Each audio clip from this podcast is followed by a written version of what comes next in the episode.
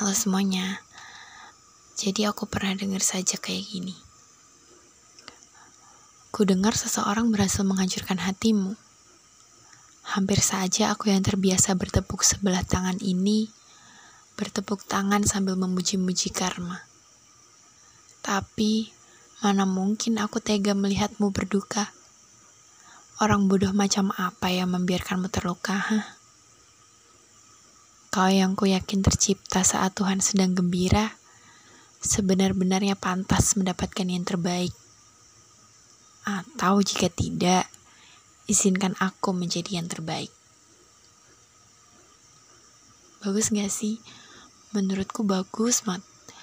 Coba aja bayangin kalian kaum hawa dengerin sajak kayak gini dari seorang cowok di mana sebenarnya kalian udah menyimpan rasa sama cowok itu.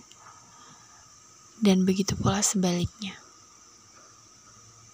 Tapi kalian gak tahu kalau kalian sama-sama menyimpan rasa. Kebetulan kamu itu habis sakit hati karena cowok lain. Tiba-tiba dia datang sambil bacain sajak itu.